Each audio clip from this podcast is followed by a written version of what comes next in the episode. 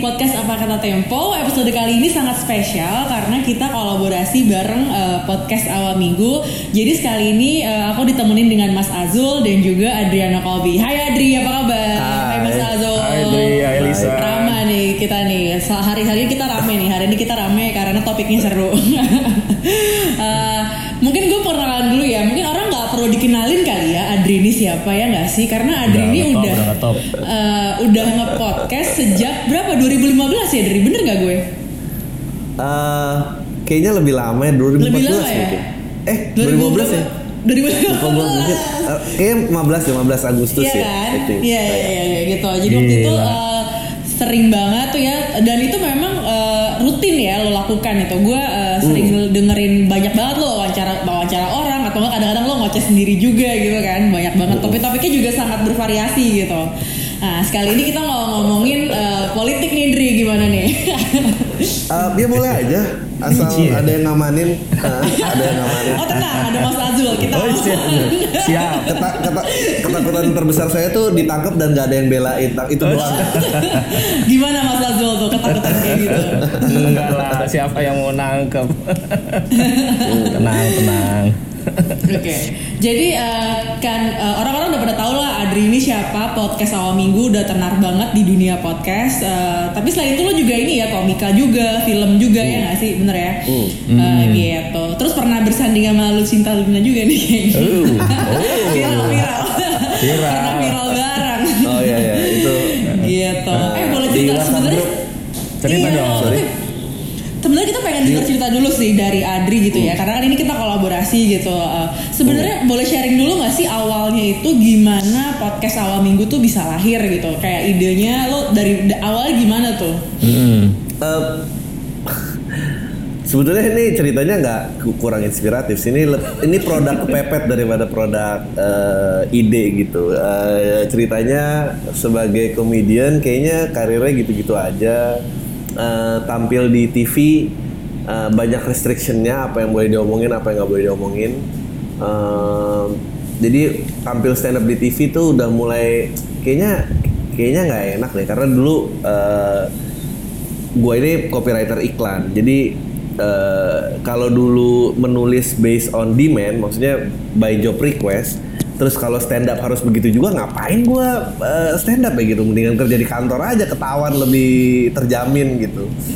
Uh, kalau nggak ada kebebasan itu ya nggak menarik ya dan gue sempat punya program hmm. TV dan kontraknya di discontinue punya uh, program di radio nge-host di radio uh, juga kontraknya di discontinue um, ya karena banyak ya orangnya nggak bisa diatur lah intinya terus yang mikir gimana ya caranya memaintain um, listener gitu atau followers ya, ya udah terus gue kayak lagi pada ngetrend ngevlog gitu buat gue sangat sulit tampil di kamera kelihatan seru gitu buat gue sulit banget. Tanpa kan komika nah, tapi kan komiknya kalau nggak direkam sebetulnya nggak apa-apa penting ada audiensnya gitu mikirin nih baju ini kayak udah pernah dipakai ya nggak usah pakai ini kayak gue nggak bisa tuh kayak gitu. And then okay, okay, okay gue mungkin udah sekitar satu setengah tahunan dengerin podcast luar negeri memang. Terus kayak ah kenapa nggak podcast aja? gitu. Ya udah podcastnya bikin aja deh. Nggak pernah tahu landscape-nya gimana.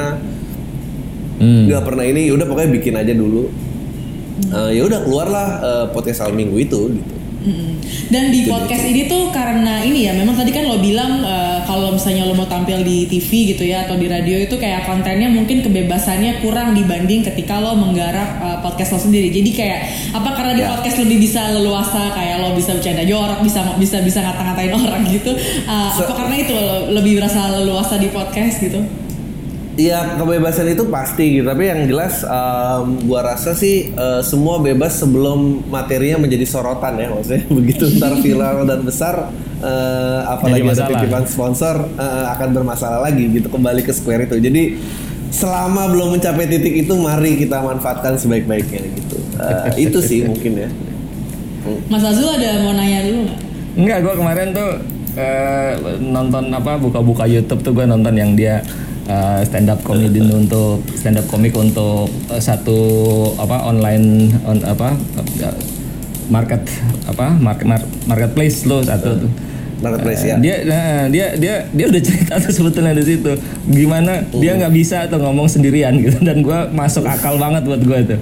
Jadi gue juga sekarang nih dimintain kalau dimintain untuk apa lu, lu rekam dong komen terhadap sesuatu waduh gue tuh susahnya minta ampun. Jadi gue bisa Iya, paham tuh si Adri bilang begitu tuh. Padahal dia udah ahlinya kan? Eh, direkam ya kalau ngomong sendiri tutup mata ngoceh-ngoceh audio Nggak doang apa-apa, bisa betul, tapi begitu betul. direkam kayak aduh Nggak- berat berat. lucu ya. Oke, eh, mungkin kita langsung masuk aja ya ke pembahasan kita kali ini gitu. Ini tuh kita bakal membahas soal eh, cara pengecut berangus kebebasan. Ini adalah editorial eh, di majalah Tempo edisi 27 Juni 2020. Em, jadi ini tuh tentang apa ini ya? Tentang beberapa banyak kasus peretasan dan juga teror terhadap masyarakat sipil eh, yang semata-mata sebenarnya cuma ngomongin persoalan hak publik gitu kan. Cuman eh, di editorial kali ini tuh memang Tempo eh, lumayan keras nih Mas Azul nyebutnya. Jadi pembukanya adalah meretas dan meneror masyarakat sipil merupakan tindakan pengecut. Kebebasan sipil bukanlah semata persoalan hak publik untuk didengarkan, tapi juga kebutuhan negara untuk diluruskan kayak gitu. Nah ini eh, ini ada sekitar ini ya kilas balik kira-kira ada September 2019 peretasan aktivis di Jogja sebelum demo KPK. Eh, Lalu 2020 tuh ada Raffio Patra juga eh, yang kemarin sempat diretas handphonenya, terus juga dijemput ya dan untuk ditanya-tanyain gitu. Uh, terus yang kita sempat ngomongin juga di podcast beberapa minggu lalu ada peretasan uh, panitia diskusi pemakzulan presiden. Uh, lalu juga ada juga kasus diskusi rasisme di Papua juga di Lampung yang uh, juga Ya. mengalami hal yang kurang lebih sama gitu loh. Adri ngikutin nggak berita ini, Dri? Eh, Papua gue dengar ngikutin yang eh, Jogja ngikutin Hmm, oke. eh ya Papua sih terutama yang banyak yang Papua ya, yang rame ya. Itu emang uh, lumayan rame sih di internet. Nah, uh, kali ini tuh kita mau uh, nanya-nanya dulu nih ke Mas Azul gitu ya. Uh, karena ini uh, kenceng banget nih Mas tempo. Jadi uh, ada ada kalimat tuh gini. Alih-alih melaknat teror, sejumlah pejabat sejumlah pejabat pemerintah malah meminta korban jangan cengeng gitu kan. Jadi uh, jadi upaya intimidasi dan kriminalisasi ini tuh nggak apa ya? nggak diikuti malah jadi seolah-olah tuh ada eh, penyalahan terhadap korban gitu ya. Korban udah diretas udah di udah dijemput ditanya-tanyain terus eh, nggak ada yang belain pula gitu kan. Nah eh, sebenarnya mau nanya-nanya soal ini sih gitu. Jadi kalau eh, kalau dari segi Mas Azul nih ini kenapa sih Mas dibilangnya eh, neror? Maksudnya Te- Tempo menyebut peretasan itu cara pengecut gitu ya. Memang kalau neror yang nggak ngecut tuh eh, yang nggak pengecut tuh kayak gimana Mas? Iya, sebetulnya kan tekanan kita adalah pada anonimitas ya. Jadi eh, teror itu dilakukan oleh orang-orang yang tidak dikenal, anonimus, eh, akun-akun tidak dikenal masuk ke dalam handphone kita, manggilin eh, GoFood segala macem dengan maksud untuk membuat si orang yang menjadi korban itu menjadi tersiksa. Kira-kira gitulah ya mesti bayar mesti ribut sama tukang ojeknya dan seterusnya. Siapa pelakunya? Ngejelas gitu loh. Nah ini ini membuat gue tuh eh, aduh ngehe banget gitu. Jadi jadi kalau kita eh, katakanlah misalnya eh, ada orang yang eh, dikriminalisasi ya tentu kita juga menolak kriminalisasi. Tapi kalau dalam kriminalisasi itu apa namanya subjeknya tuh jelas gitu loh. Yaitu polisi. Polisi menerapkan satu pasal tertentu kepada seseorang gitu. Bahwa pasalnya nggak tepat itu soal lain ya. Nanti kita bisa debat di di pengadilan dan sebagainya gitu. Tapi tidak anonimus gitu. Nah kalau yang eh, apa namanya kalau yang peretasan telepon-telepon gelap itu anonimus gitu. Jadi itu yang repot. Nah persoalannya lagi kalau anonimus ini kita nggak tahu mau nunjuk siapa nih gitu. Ah, eh, apa para aktivis bilang wah ini jangan-jangan pemerintah nih. Jangan-jangan loh dia nggak bisa nggak punya bakta juga gitu. Jangan-jangan pemerintah nih.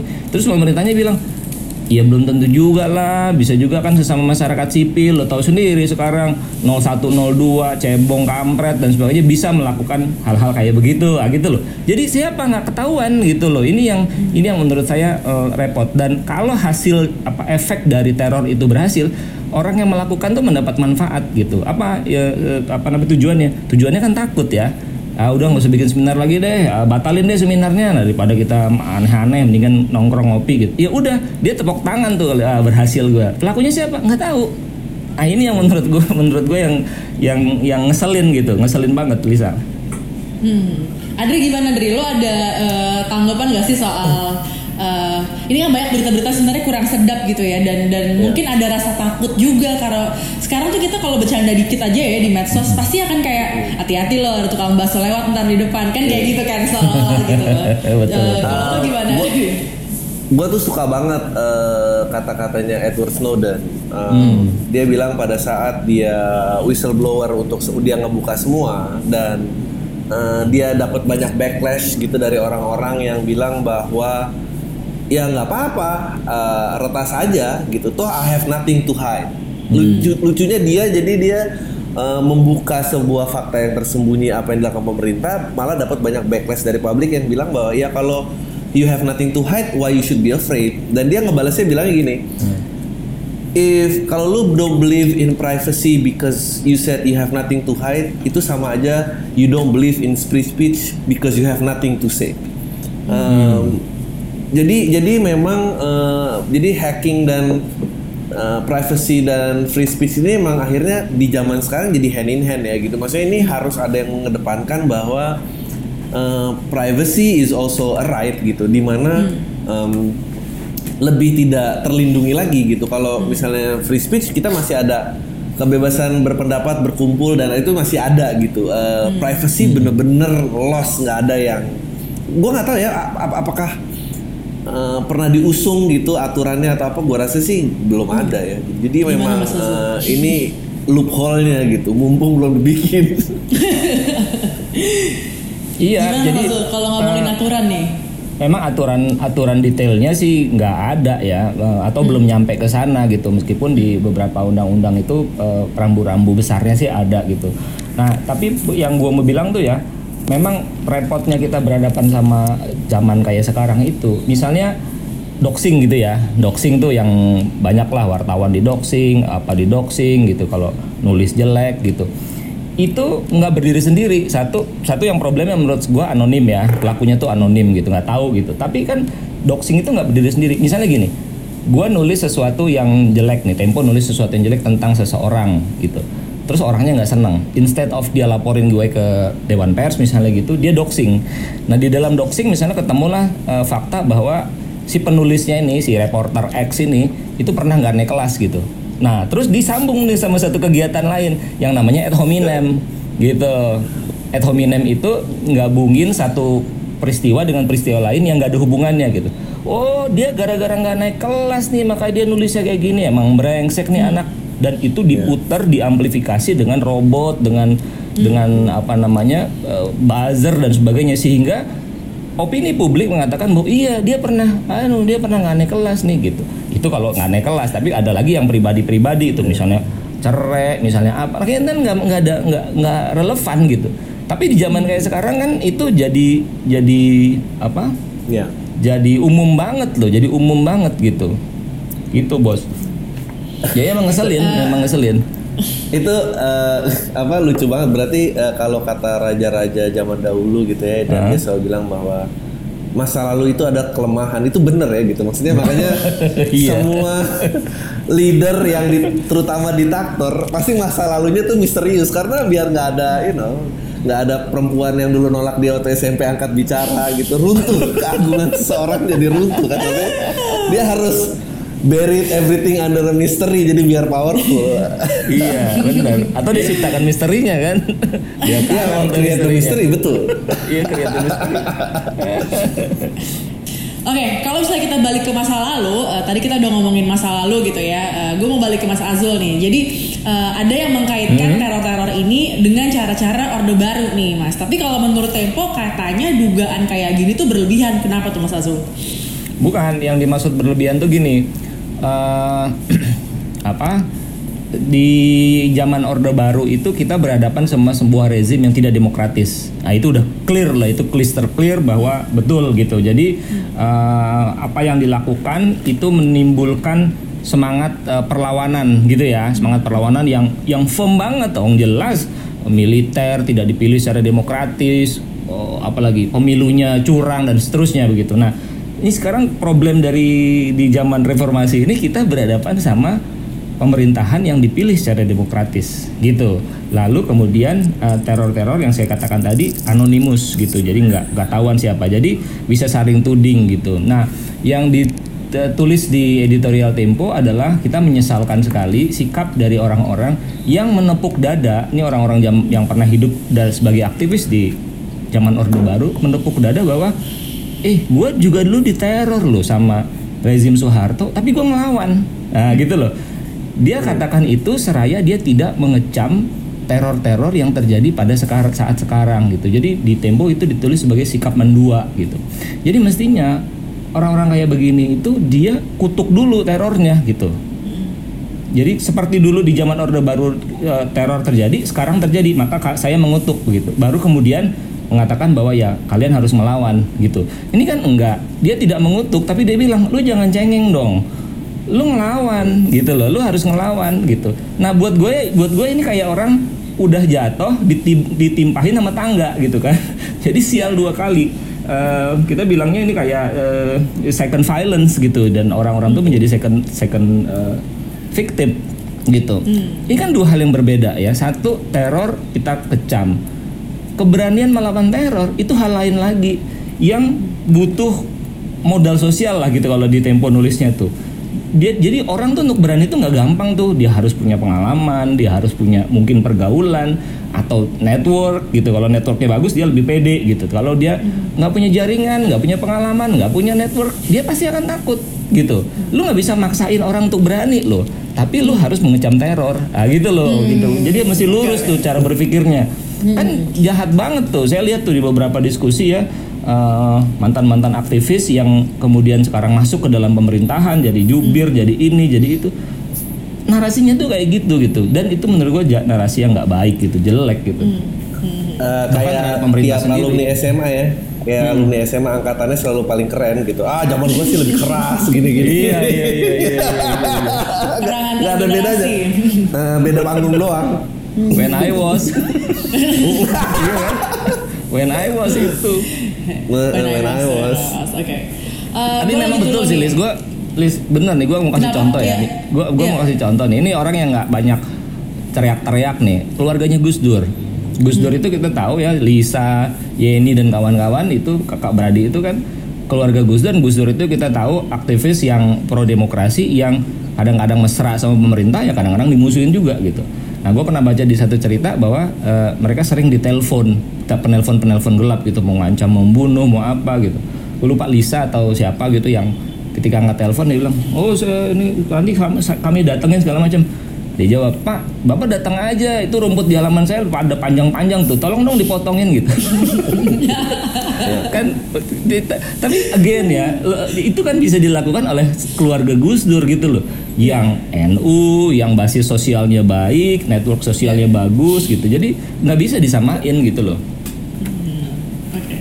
Eh, tapi sementara ini ya Mas, kalau kita lihat nih arah tuduhan peneror itu tuh justru ke pemerintah aja atau Tempo punya temuan lain nih kira-kira eh, indikasinya ke mana sih Mas eh, pelaku-pelaku peneroran ini gitu?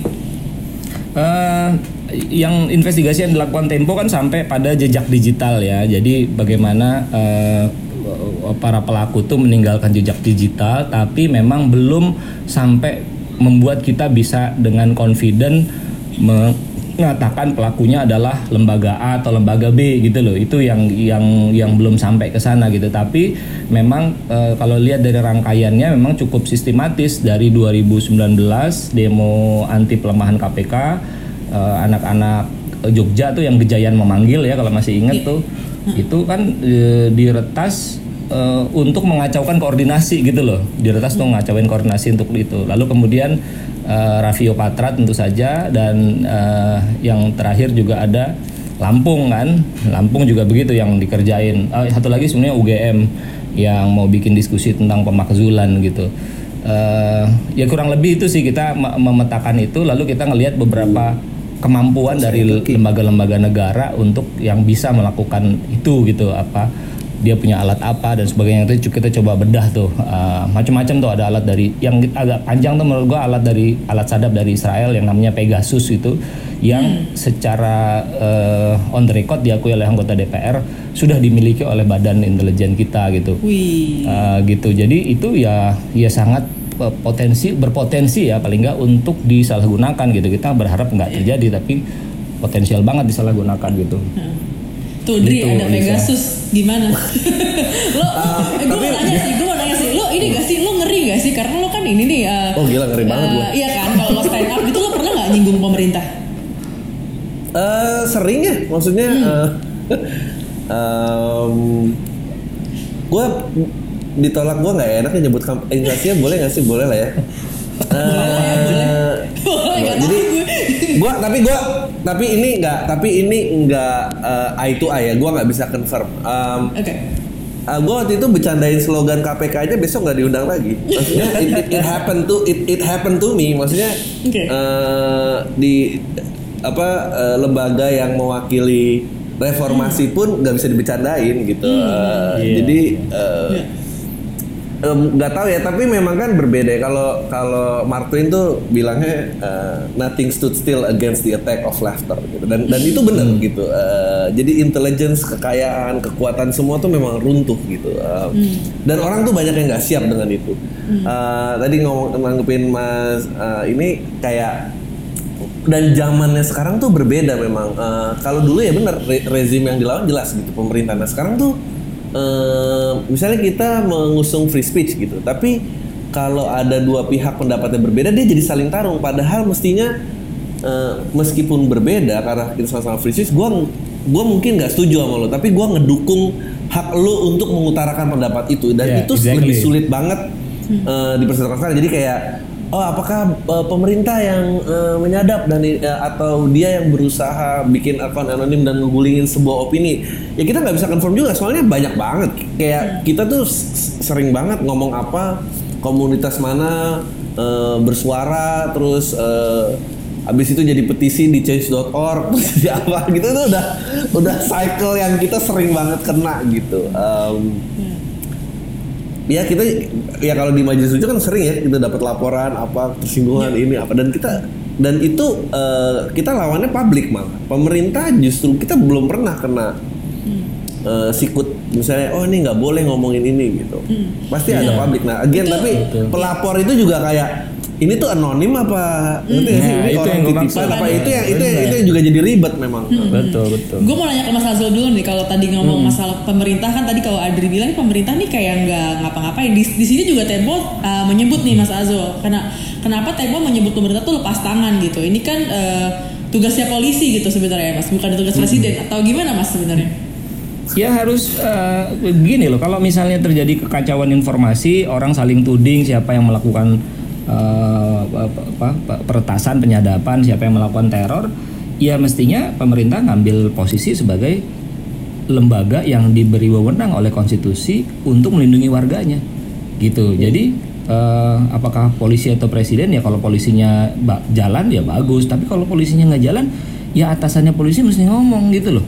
Dia mesti ngomong eh gue nggak mau nih warga gue ketakutan. Gue nggak mau nih ada orang mau stand up komik jadi nggak berani Ya. gitu. Karena ada Ya. begini begini begini itu itu nggak bisa tuh terjadi di negara yang gue pimpin kira-kira gitu logikanya ya. Jadi lo Ya. mesti segera nah yang itu yang kita tunggu-tunggu tuh nggak ada tuh statement itu. Belum lagi fakta bahwa sejak 2019 tuh yang kejayaan memanggil dan sebagainya tuh hilang aja tuh begitu. Kita nggak tahu tuh siapa pelakunya tuh ya kan? Nah itu loh. Jadi instead of kita tuduh menuduh menurut gua ya mestinya aparat itu melakukan eh, tindakan yang eh, signifikan supaya ketahuan. Nah nanti misalnya pelakunya bukan negara misalnya masyarakat nih. Tuh kan gue bilang juga masyarakat nih pelakunya nih udah gua tangkep nih udah dibawa pengadilan. Clear gitu kan? Orang nggak tuduh-tuduhan lagi gitu Nah kalau ini kan sekarang kita, waduh gimana nih, siapa nih? Mau ngopi sama siapa? Kita takut nih duduk duduk di sebelah meja siapa nih, ntar Intel nih, waduh itu kayak zaman di Rusia nih lama-lama kita. Di Rusia zaman dulu ya. gitu bos. Kalau Adri sendiri punya pengalaman gak sih handphonenya diretas gitu ya? Kan ini kan kayaknya kalau sekarang gue ngeliat sih peretasan peretasan kasus kayak peretasan gini bikin tambah parno gitu kan. Apalagi nih sampai ngebobol akun Gojek gitu kan terus jadi datang banyak ojol ke rumah Ba- jadi kayak ada pesanan-pesanan fiktif kayak gitu lo punya pernah punya pengalaman gak sih? kayaknya uh, fame level gue belum nyampe di titik untuk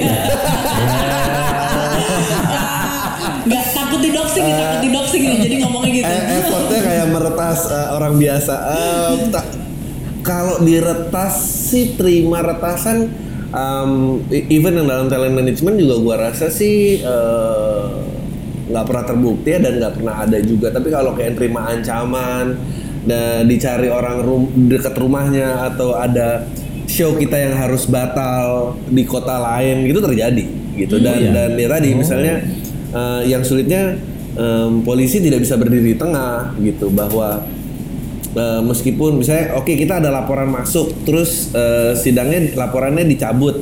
And then eh, masyarakatnya masih marah.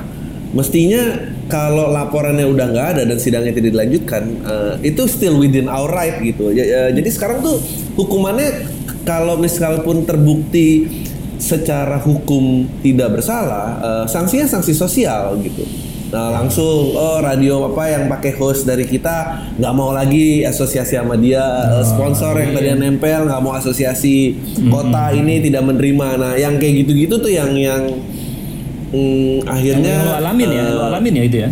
Iya eh, akhirnya kita jadi malah self censoring. Hmm, oh gue baru tahu nih menarik nih.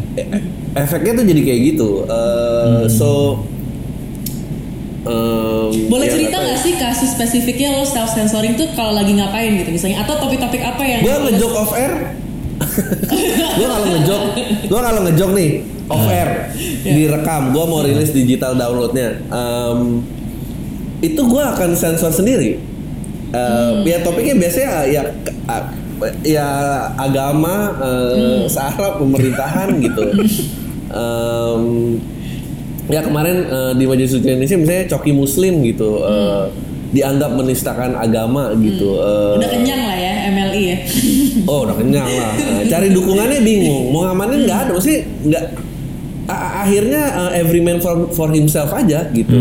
Uh, dan dan sulit gitu kayak um, misalnya kita semua pro free speech, tapi orang yang berbeda pendapatnya dia akan attack kita pada saat eh, terjadi perbedaan gitu. Um, dan dan akhirnya ya udah kita harus self censoring aja gitu nggak nggak bisa MLI sih kenyang banget sih Kalau Dengan- situasi masyarakat sipil yang kayak gitu gimana ya Mas Azul? Akhirnya kan eh, kita jadi pertama jadi self censoring gitu kan. Kedua eh, ada juga fenomena saling attack gini nih ya atas nama free speech gitu ya. Ya udah kalau misalnya eh, ada yang ngomong ah misalnya nggak suka akan diserang gitu loh. Eh, gimana nih kalau kita lihat eh, permasalahan yang kayak gini? Ya kalau serangan itu dalam dalam satu apa ya dalam satu platform yang atau da- dalam satu tempat yang masih kita bisa tolerir sih menurut gue sih eh, n- nggak masalah ya betapapun itu menyakitkan barangkali ya Di- ya media misalnya ngeritik ngeritik terus tiap minggu tiap hari media ngeritik gitu emang tugasnya ngeritik tapi begitu medianya dikritik dan itu bareng-bareng nggak ada orang Iya, eh, ya udah nggak apa-apa gitu eh, kan. Eh, Tempo kan pernah tuh yang dikasih rating satu itu loh eh, aplikasinya kan. Aplikasi, aplikasinya eh, Adri tahu gak tuh? Jadi kita pernah nulis.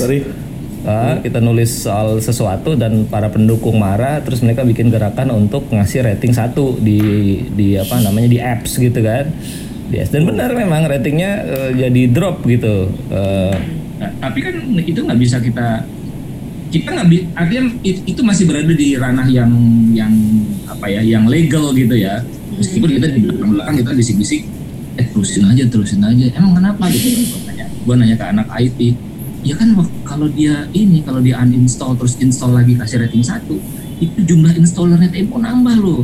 Gitu. jadi lu kita nggak apa-apa gitu. Dan benar gue cek angkanya oh gila installer kita banyak gitu. Dia jadi ada juga berkah. Gue tuh ngelihat keadaan yang sekarang uh, m- mungkin dua buku, dua buku yang paling banyak berpengaruh uh, sama gue gitu tentang tentang free speech gitu uh, opresi pemerintah dan digitalisasi. Um, uh, 1984 sama Brave New World gitu uh, Adolf Huxley. Maksudnya si ya satu kan produknya uh, 84 kan uh, Cold War gitu dia jadi uh, ya udah lawannya tuh pemerintah uh, sensoring dari yang di atas, thought police apa dan segala macam. Tapi begitu Brave New World tuh lebih dengan digitalisasi gitu.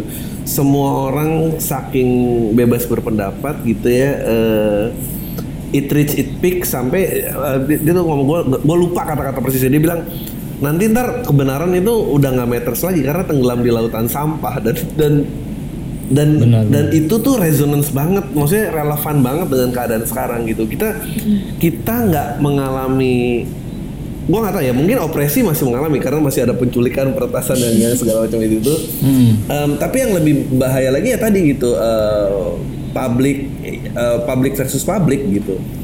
Em, dan ya udah gitu Eh, mungkin ya kalau konteks besarnya banget ya kalau di siklus Polybius nih memang kayaknya demokrasi bentar lagi lewat kita masuk lagi ke yang lain kayaknya Zaman emang- lama ya. Eh, udah mentok nih ah, udah udah mentok nih kayaknya nggak ketemu Bener. lagi gitu Apalagi ada pandemi nih.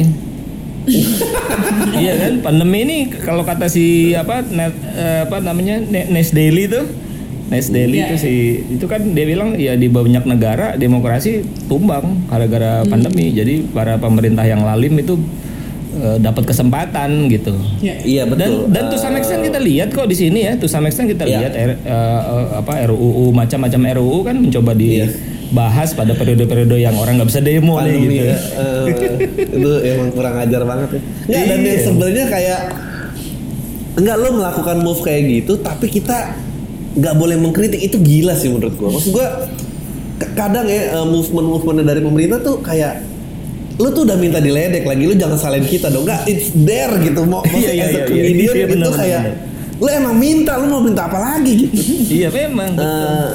Eh, nggak ada kayak gue inget kemarin eh, di US gitu dia eh, tentang eh, kekerasan yang dilakukan oleh polisi gitu ya. Hmm. Nah, si Snoop Dogg nge-tweet bagus banget dia bilang enggak kita tuh nggak lakukan tugas yang bener aja gitu karena kalau memang tugasnya bener kita akan cinta polisi kok karena seumur hidup belum pernah ada yang bikin lagu tentang fuck fire department nggak pernah ada the police gitu dan dan, dan itu Iya, on iya. point banget gitu Iya, iya. kita nggak pernah kan punya keresahan tentang pemadam kebakaran karena pemadam kebakaran Baik-baik aja. ya di, di sisi kita gitu dia Iya, melindungi iya. civ- civ- civil kan gitu kan Betul, betul. civil service kan gitu Iya. Betul betul. Itu kayak eh, jadi memang manusia berseragam favorit semua orang ya. iya nggak ada. Eh Dre, gue mau nanya dong komentar lo terkait kasus Bintang Emon kemarin. Karena kan eh, kayaknya waktu Bintang Emon di eh, apa ya yang difitnah gitu ya. Ya. kalau kalau dia kan sudah ngasih surat tes tuh ya enggak nih gue nggak nggak positif narkoba segala macam gitu kan. Eh, jadi ada orang-orang mulai berpikir wah ini eh, komika nih udah mulai di apa di diserang lah gitu atau atau di, atau diperhatikan lah mendapatkan spotlight gitu. Komentar lo gimana Dre? Uh, good gitu tapi ya again ya gitu maksudnya uh, memang akhirnya buat yang berani ya berani aja gitu yang berani yang buat yang berani aja sus karena benar kayak dukungan lu siapa um, uh, gak, gak usah bintang emon deh. Waktu kasus uh, Aco mengkritik di blognya terhadap apartemen Green Pramuka itu kalau nggak waktu itu kita rame dan kita undang media eh, dia udah hilang loh. Karena banyak sebelum sebelumnya orang yang melakukan kritiknya terhadap Green Pramuka dan udah dipenjara Mm-mm. dan udah dipenjara gitu dan udah dipenjara gitu. Eh, eh, sekarang tuh ya kalau eh, dia diserang kayak gitu ya kita semua ke- kebetulan eh, ya stand up comedian cukup mau ya bareng-bareng gitu. Gua gua sih mau beda pendapat mau apa kalau emang eh, mungkin gua nggak setuju dengan joknya tapi kalau dia diserang karena joknya apa apa yang karena dia omongin ya ya udah semua pasang badan aja gitu. Eh, ya gue nggak tahu uh, personally dia masih berani nggak ke era itu daerah itu gitu. Uh, tapi yang menurut gue unfortunate banget sih gitu Ya. unfortunate banget gue uh, dan anaknya juga tiba-tiba mengalami spotlight kayak gitu ya uh, terguncang lah gitu Dia Eh, memang anu warga ya. situ ya, Dre. apa Dia warga di situ, tinggal di situ. Makanya dikritik waktu gitu. Aco Aco iya Mm, mm. Oh gitu. Aco Jadi warga situ. kalau masalahnya si Aco itu aku kasih ini aja dulu ya. Eh, jadi tuh dia kan jadi jadi tersangka waktu itu dalam kasus pencemaran nama baik terhadap apartemen Green Pramuka City gitu. Karena dia nulis blog eh, ya pokoknya dia ngeritik gitu ya eh, pengelola dan manajemen apartemen Green Pramuka City itu PT Duta Paramindo Sejahtera ya. Itu ditulis di blognya tahun 2015 Uh, Jadi ada poin-poin yang dikritisin. Dia beli apartemen tahun 2013, tapi salah satu hal yang dikeluhkan adalah sertifikatnya tuh nggak nggak kunjung diterima gitu. Jadi eh, janji-janji pengelola itu udah dua tahun nggak dapat juga janjinya nggak ditepati juga gitu. Jadi ya sebagai pembeli gitu ya ya dia protes kan dia. Protes. eh, dan dia nulis itu dalam sebuah blog gitu dan akhirnya ya dilaporkan ya. Dan Tapi gua- ternyata kalau dan gua- hotel- ya, gimana Dri? Dan gue baru tahu dan gue baru tahu pasal pencemaran nama baik itu bisa melindungi nama baik sebuah instansi atau PT. Gue baru tahu. Sumpah gue baru tahu di titik itu. Kayak oh ternyata bukan cuma nama orang ya, nama PT Iya, iya. juga. Gue baru tahu. Nama PT harus dijaga kodratnya. Melindungi aja melindungi gitu. Eh, Gua- tapi iya, ya, iya. gue sempat ngobrol dengan eh, Ajis ya waktu itu ya. Eh, eh Iya. waktu terkait bintang Emon kemarin gitu. Eh, terus kan kita nanya, eh, jadi gimana nih komika takut apa enggak untuk terus ngomong gitu? Kata dia sih ya nggak ya kita sih enggak tetap ngomong aja gitu kan. Eh, Hmm. Cuman ya pada akhirnya gue rasa orang akan melakukan apa yang lo lakukan sih Dri karena ya self self censorship itu kan akhirnya, ya nggak sih? Ya. Karena kan kayak Makanya gue bilang tadi, katakanlah dia terlepas, oke, secara legal gitu ya, eh, dia bisa terproteksi. Nah, tapi ntar sanksi sosialnya yang keluar, misalnya dia mau show di mana yang nggak sependapat dia bisa diboykot, atau sponsorship yang tadinya nempel dia akan cabut gitu. Eh, the only way untuk resolve itu, ya lu harus eh, tuntut semua orang tuh pribadi, maksudnya lu menempuh jalur hukum. Tapi Iya, siapa yang mau Capek banget ya. satu-satu gitu, gitu, capek banget gitu. Hmm, hmm, hmm, hmm. Iya, iya. Jadi akhirnya kayak tadi ya lautan sampah itu aja akhirnya ya udahlah gitu. Gua- Oke. gua- Mas gua- Azul, gua- Mas Azul ini sering diteror juga nih kayaknya gara-gara laporannya Tempo. Eh, Atau enggak Mas? Atau justru lo nggak kena karena itu larinya ke instansi gitu?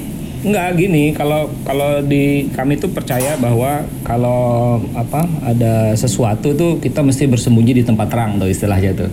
Jadi jangan ngumpet di tempat gelap. Nah, artinya apa? Artinya ya persoalannya mesti dibawa ke publik gitu. Eh, persoalannya mesti dibawa ke publik. Nah, apa networknya mesti tetap jalan gitu. Jadi eh, so far sih ah ya pasti ada lah ya yang paling yang pak ya gue yang gue bisa gue ceritain lah gitu ya. Ada yang nggak bisa juga. Yang bisa gue ceritain tuh misalnya gini tiba-tiba kita punya WhatsApp grup ya. Eh bukan WhatsApp grup tuh kita pakai Telegram bahkan gitu. Karena nganggap eh, WhatsApp sudah nggak aman kita pakai Telegram. Karena orang bilang oh Telegram lebih lebih secure gitu tiba-tiba pada saat bersamaan seluruh anggota grup mendapatkan notifikasi bahwa eh grup eh, apa Telegram lu Telegram individual itu eh, baru saja mencoba di- dibuka oleh eh, ini dari ID eh, apa nama IP address di Singapura, IP address di Amerika gitu loh. Ya kalau itu sih kita gampang kita langsung tutup aja tutup tutup tutup, tutup udah becek tuh ganti lagi yang lain gitu. Tapi ada satu yang lucu tuh Lis, ada satu yang lucu ketika kita sedang investigasi satu kasus gitu udah mulai ge- gelisah lah orang yang ditulis itu dan apa mungkin udah mulai tanya-tanya sana sini tentang siapa yang mau nulis dan sebagainya. Tiba-tiba ada satu reporter gue ke kantor pakai baju, jaket dan helm ojek. Ojek online gitu. Setiap hari itu dia cucu dia naik motor emang ke kantor gitu kan.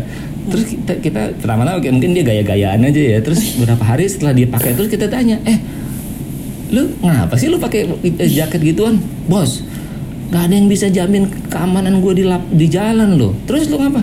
Ya gue daftar ojek dia bilang gitu. Dia daftar, dia da- dia daftar ojek bukan untuk cari penumpang, tapi untuk bisa ke mana-mana pakai jaket dan helm gojek gitu. Nanti kalau ada apa-apa di gue di jalan, yang belain gue banyak banget tuh supir-supir ojek yang lain gitu kan. Bener. Oh gue bilang hebat lo, lo hebat lo dasar lo dasar. Salam satu aspal, salam satu aspal. Iya, sama. Bener-bener. Ntar jadi ada partai itu partai satu aspal. Iya. Eh, Oke itu dia tadi obrolan kita soal kebebasan berpendapat gitu ya. Eh gue mau nanya Adi dulu sih sebenarnya lo suka baca Tempo gak sih? Eh, ada beberapa yang gue baca kalau sampulnya sangat intriguing, eh, terutama yang gua- eh, apa yang suka habis cepet di edaran kayak sebelum di bredel nih bawa beli dulu deh gitu sebelum hilang. gue kemarin terakhir baca apa ya gue lupa sih tapi ada kok waktu itu di kantor ya itulah lupa gue tapi yang mana ya saya gue aja Iya, iya, iya. Kira-kira kalau misalnya lo kan kita eh, lagi ngomongin bebas berpendapat ya. Kalau lo mau mengkritik Tempo, lo mau kritik apa kira-kira? Wih serem. Wih, kita langsung aja nih mumpung ada direktur pemberitaan ya. ngeri ngeri ngeri. ngeri. gue kalau mau kritik tempo kritik apanya ya maksudnya kayaknya mendingan masih temenan sama Tempo soalnya kalau nggak ini dikritik juga ntar gue nggak ada temennya siapa yang belain? Benar benar benar. Eh, apa ya? nggak ada sih. Bersatu bersatu. sih harus bersatu dulu memang. Eh, iya itu yang susah sih. Gue nggak Lu ada sih. mungkin tagline-nya Tempo? Kenapa? tagline-nya Tempo itu kan enak eh, apa? Enak jujur dibaca dan perlu. enak dibaca dan perlu satu. Atau lagi Nah. jujur jelas jernih jenaka pun bisa. Oh, sebetulnya di elemen oke. yang terakhir tuh eh, Iya. Tempo sama Adri tuh cocok tuh. Jadi ada unsur jenakanya gitu. Harus collab collab harus collab collab harus collab collab Oke itu tadi diskusi kita. Thank you banget eh, Adri podcast awal minggu eh, Udah kolaborasi bareng apa kata Tempo. Eh, Buat kamu yang ingin baca laporan Soal maraknya teror ke aktivis Bisa langsung aja baca di majalah.tempo.co eh, Atau juga beli cetaknya langsung juga bisa gitu kalau pengen collab kayak podcast podcast awal minggu bisa kirim email ke podcast@tempo.co.id subjeknya apa kata Tempo. Em, gitu dulu kali ya dari kita ya. Thank you banget Adri, thank you banget Mas Azul. Kita sekarang gosip, Adri ya. gosip Thank offline, gosip offline. oh iya. gosip on the record. Bye bye semua. oke Thank gue you. bye